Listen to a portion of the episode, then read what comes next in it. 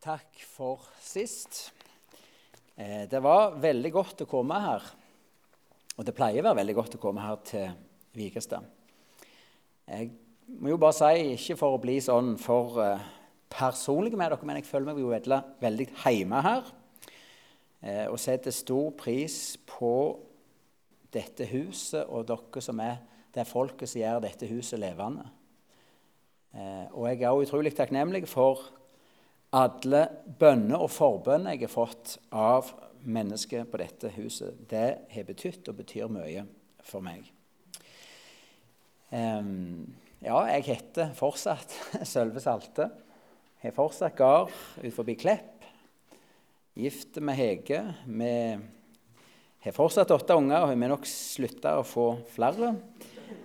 Sånn at nå er det faktisk bare én som bruker bleie, og kun på kveldstid. Så hun eldste hun ble akkurat 18, og han minste blir fire i oktober.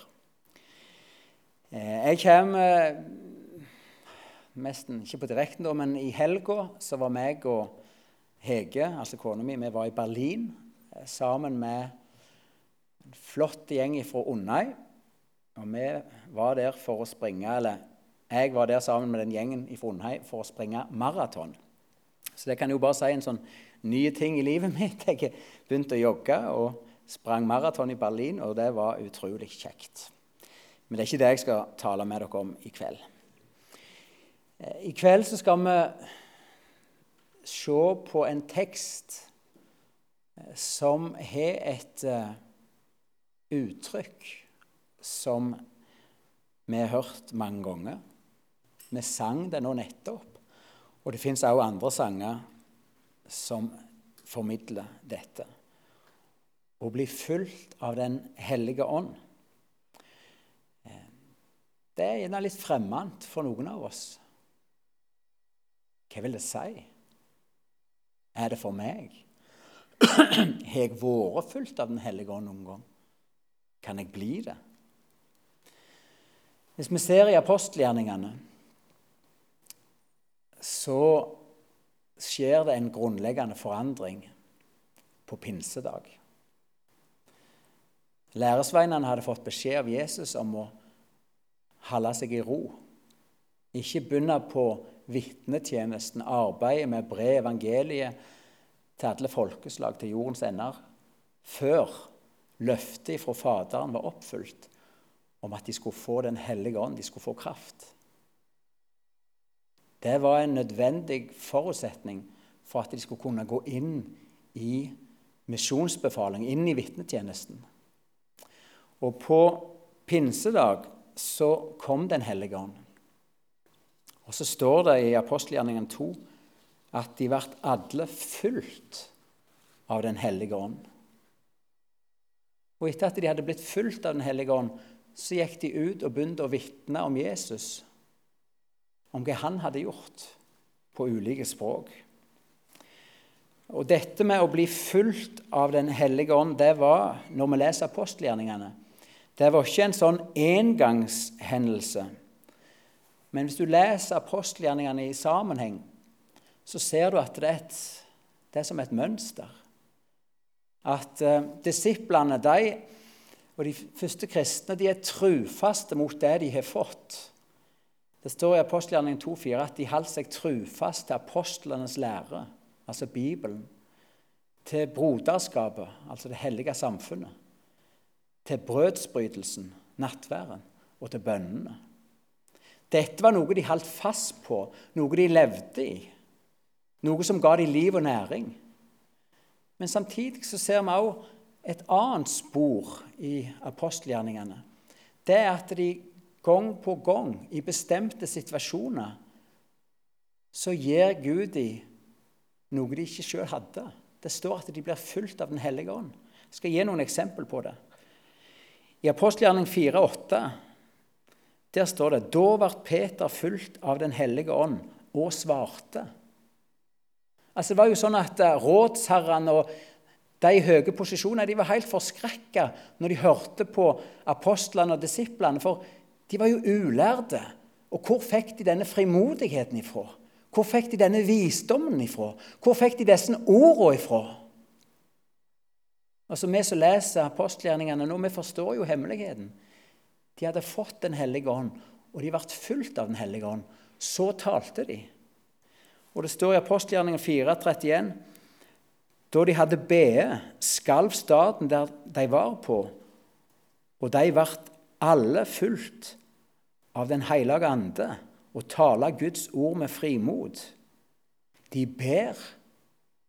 Bakken rister. De blir alle fulgt av Den hellige ånd. Og så går de ut og taler Guds ord med frimodighet. Og En ser til med når de første kristne skulle velge ut menn til å dele ut brød, altså de første diakonene. Hva var det de så etter?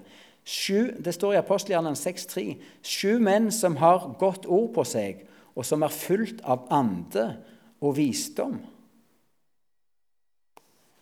Og Så ser en i apostelgjerningene 7,55 med Stefanus, den første kristne martyr. Han fikk en visdom som gjorde at de som hørte på han, de ble bare enda mer forarga på han. Men det var ingen som kunne stå imot den talen han holdt, den visdommen han talte.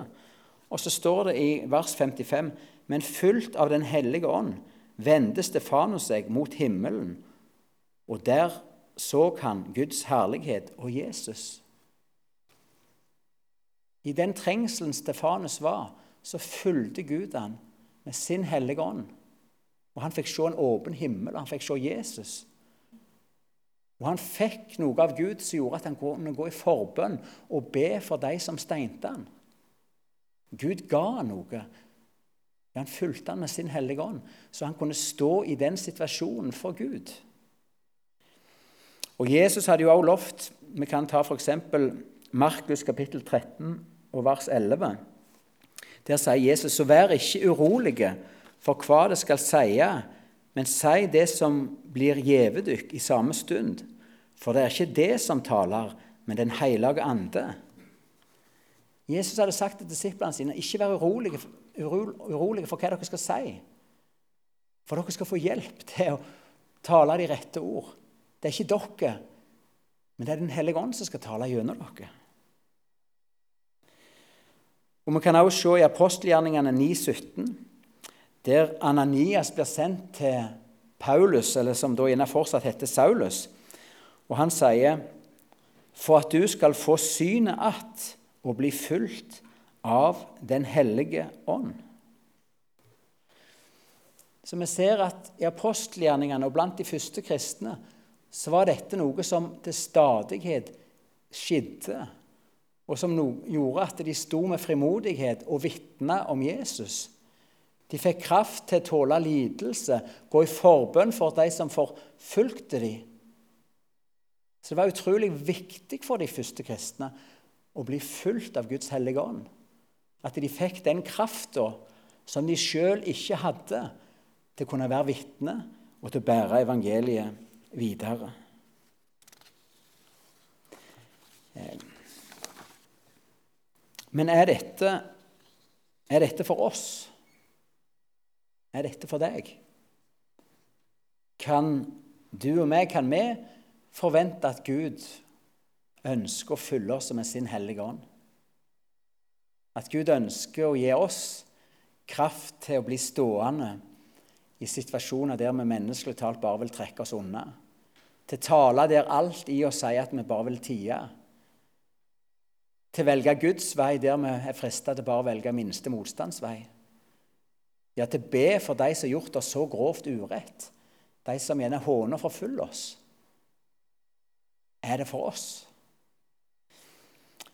Vi skal gå videre da til en tekst i Efeserne kapittel 5 eh, og vers 17. Eh, ja, Vi leser 17 til 20. Vær ikke uforstandige, men forstå om det er mulig å få mer lys på meg. Takk. Vær ikke uforstandige, men forstå hva som er Herrens vilje. Drikk deg ikke fulle av vin, det fører til utskeiing, men bli fulgt av Anden. Og syng sammen med salmer, hymner og åndelige sanger. Syng og spill av hjertet for Herren. Takk alltid vår Gud og Far for alle ting i navnet åt vår Herre Jesus Kristus. Bli fulgt av Ånden. Eh, nå skal vi gå bitte litt inn i grammatikken. For dette verbet står jo opprinnelig på gresk, og det heter plerostai. Og det står i presens, imperativ, passiv, flertall. Bare ikke, ikke dette av noe, for dette her er utrolig oppbyggelig. For presens på gresk, det uttrykker ei vedvarende handling. Noe ikke som skjer én gang avsluttende, men som skal skje igjen og igjen og igjen. Så dette verset sier 'bli fulgt', og bli igjen og igjen og igjen fulgt av Den hellige ånd. Det står i imperativ. Det er jo befaling, det er byteform. Det vil si at dette er Guds vilje for oss. Det er ikke liksom for de få utvalgte, for møtelederen eller taleren. Eller, det er for Guds folk. Bli fulgt, og bli igjen og igjen og igjen fulgt. Og det står i passiv, og det er også, kan vi si, et lite halleluja for. Det vil si, å bli fulgt av Den hellige ånd det er ikke noe vi sjøl presterer eller presser fram, men det er noe som må bli oss gitt. La meg på ny og på ny og på ny fylle deg med min hellige ånd. Og så står det i flertall. Det gjelder for alle. Det gjelder ikke bare for den ene, men det gjelder for alt Guds folk. Mitt folk, mine barn, la meg på ny og på ny og på ny få fylle dere med min hellige ånd. Så det å bli fulgt av Den hellige ånd, det er Guds vilje for oss. Han som vet best, han vet at vi trenger det. Sånn som de første kristne trong, og på ny og på ny og på ny blir fulgt av Guds ånd, så trenger vi det i vår hverdag, i vår tjeneste for Gud. Hva vil det si å bli fulgt av Guds ånd?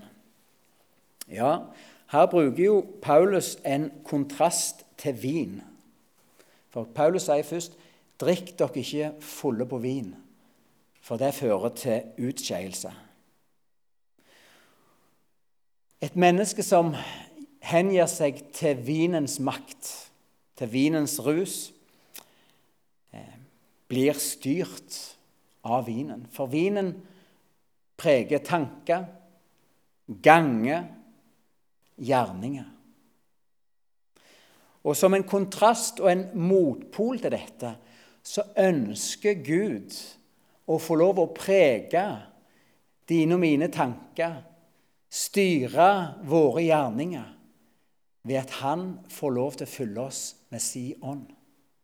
Sammenlikningen går ikke på opplevelsen eller hvordan det føles, men resultatet. Er du i vinens makt, så fører det til et liv i utskeielse. Er du i Guds ånds makt, ved at han på ny og på ny og på ny får fylle deg, så fører det til et liv til ære for Gud, til tjeneste for Gud. For da får, lov, får han lov å virke med sin kraft gjennom oss. Den hellige ånd er Gud. Det er Gud sjøl. Den hellige ånd er en person, og han er fullt og helt Gud. Så når vi taler om å bli fulgt av Den hellige ånd, så er det ikke snakk om å få en større dose av Gud. For har du fått Den hellige ånd, så har du fått alt det Gud er og har. Og Som kristne så er vi et tempel for Den hellige ånd. Så når vi snakker om å bli fulgt av Den hellige ånd, så handler det nok mer om at Gud ved si ånd må få mer av oss. At han må få rom og plass i våre liv. At vi på en måte må gi opp og få det til sjøl. At vi slutter å stole på våre egne krefter og ressurser. At vi med tomme hender ber Gud hjelpe meg. Gud, følg meg. Dette klarer ikke jeg stå i alene. Her ser du, Jeg har en tendens til bare å ville trekke meg for dette. Gud, styrk meg.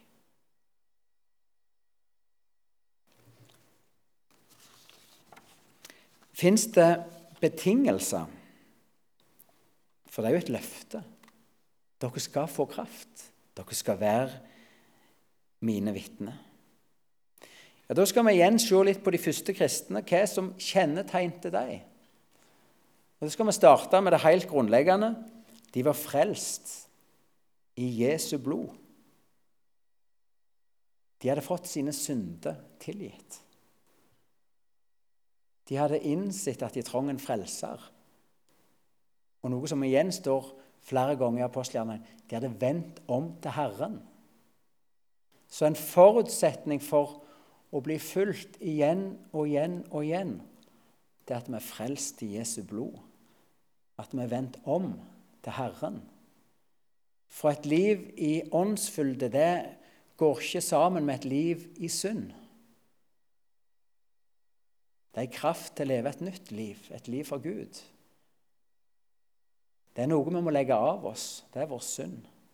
Og Det er ikke en engangsforeteelse, men det er en daglig ting for oss alle.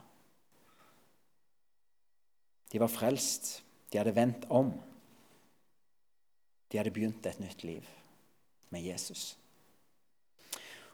For det andre, som gjerne kan trekke ut som en betingelse for å kunne få oppleve at dette løftet igjen og igjen blir oppfylt i ditt og mitt liv, det er at de første kristne de hadde akseptert misjonsbefalinger. Når Jesus hadde sagt dere skal være mine vitner, og dere skal gå ut og gjøre kjent det jeg har gjort, så hadde de godtatt og sagt ja, ja til den. Ja, jeg skal være et vitne, Jesus. Du kan regne med meg. Ja, jeg vil fortelle om deg til andre. For løftet om kraft det henger jo sammen med at vi er kalt til å gjøre Guds arbeid og gjerning.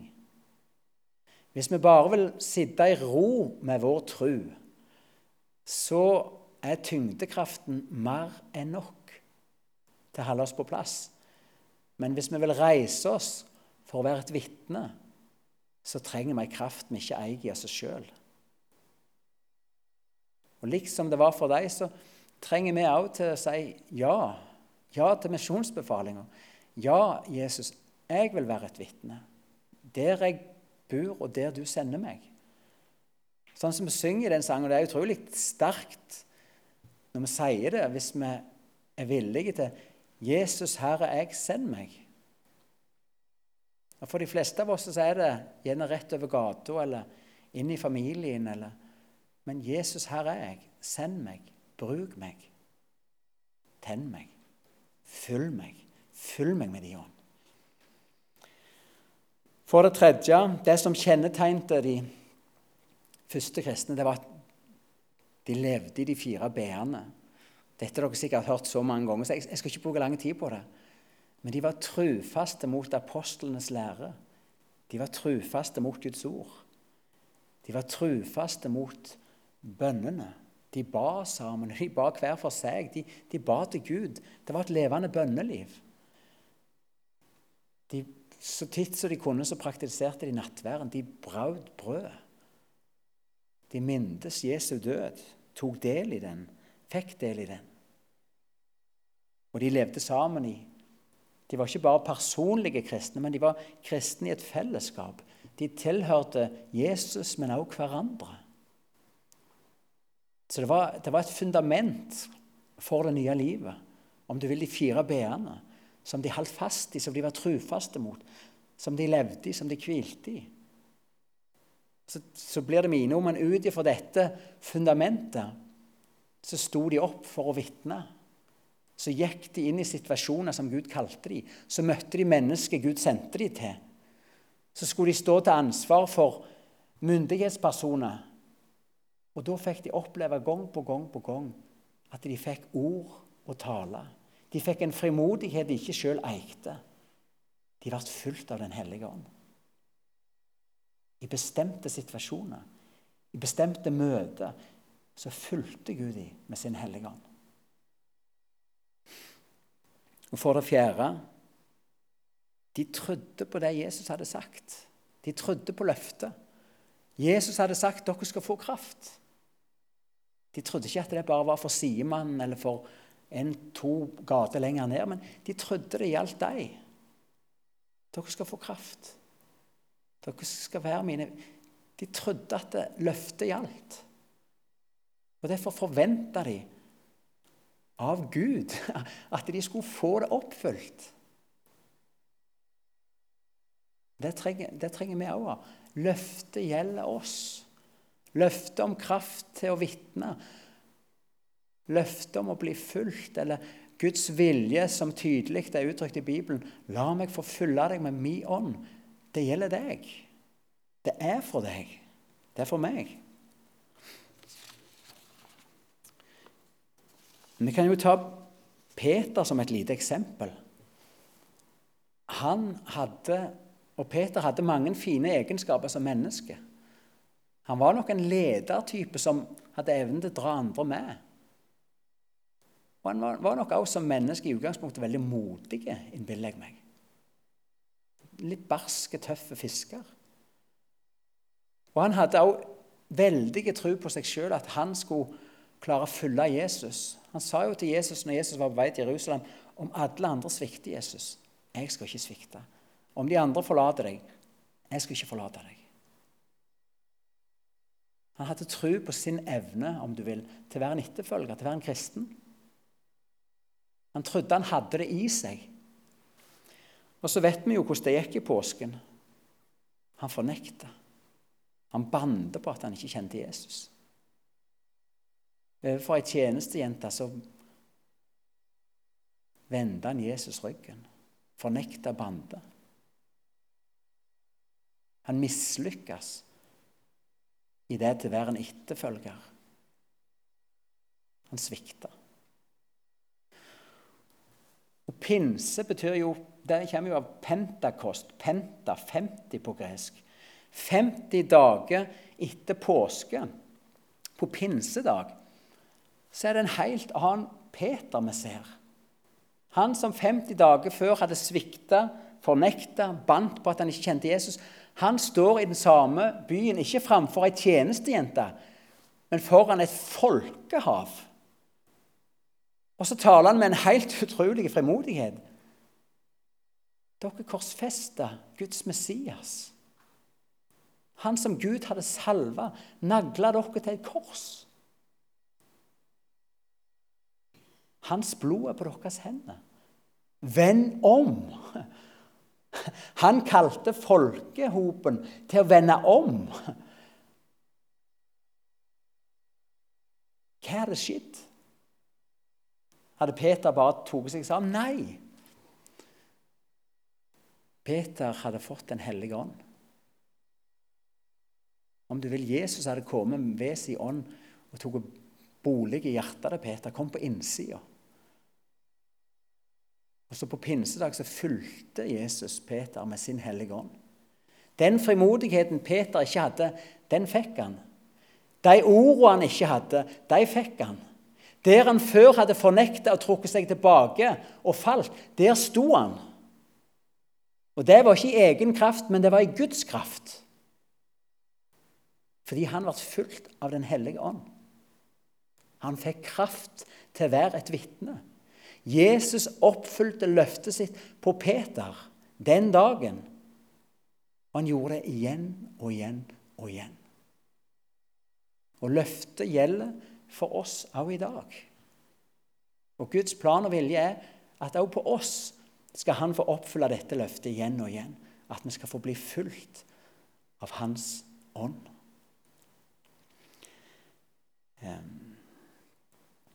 Når jeg vært eh, Jeg har sikkert delt dette før, men jeg deler det igjen. Når jeg skulle bli ordinert til prest Det var vel i 2001 Så fikk mor et bibelvers som hun delte om det var dagen før eller to dager før. Fra Zakaria 4,6. Ikke ved makt, ikke ved kraft, men ved min ånd. Og det har vært Ikke alltid sånn at jeg har tenkt på det hver dag, men det har vært en sånn djup lengsel og ønske for min del, for mitt liv, for min tjeneste, at det ikke skulle være en tjeneste prega av sølvesi makt og kraft og påfunn og innfall, men av Guds ånd. Men som jeg erkjenner og bekjenne at det har vært veldig mye sølv underveis. I min tjeneste som prest så holdt jeg på å slite meg åndelig ut, vil jeg si.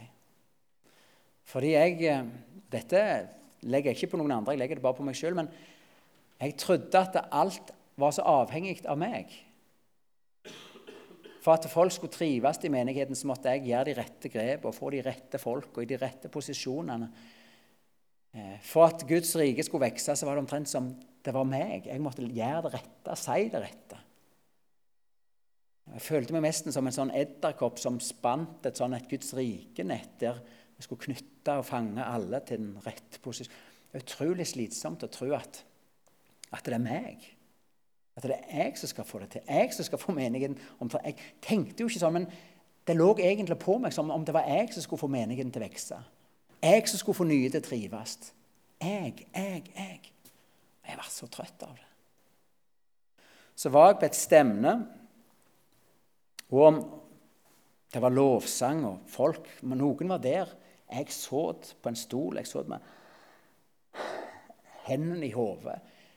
Jeg var bare så trøtt og jeg var så frustrert. Jeg, var så, jeg forsto at det, det var ikke den kraften i mitt liv som Bibelen vitner om. Og Om det var mens jeg så det med hendene i, i hodet, eller om det var seinere Men jeg fikk et bilde hvor jeg så meg sjøl som en liten gutt med ei sånn sixpence-hue, med ei hue i hånda. Og så fikk jeg bare se som Jesus som en stor konge. Det var som om jeg så bare ryggen av en, en mektig skikkelse. Og I det bildet eller syn eller hva jeg skal kalle jeg hadde, så så jeg at Jesus gikk framforbi meg. Og der han gikk, så ble fjell og knuste. Det ble rydda en vei.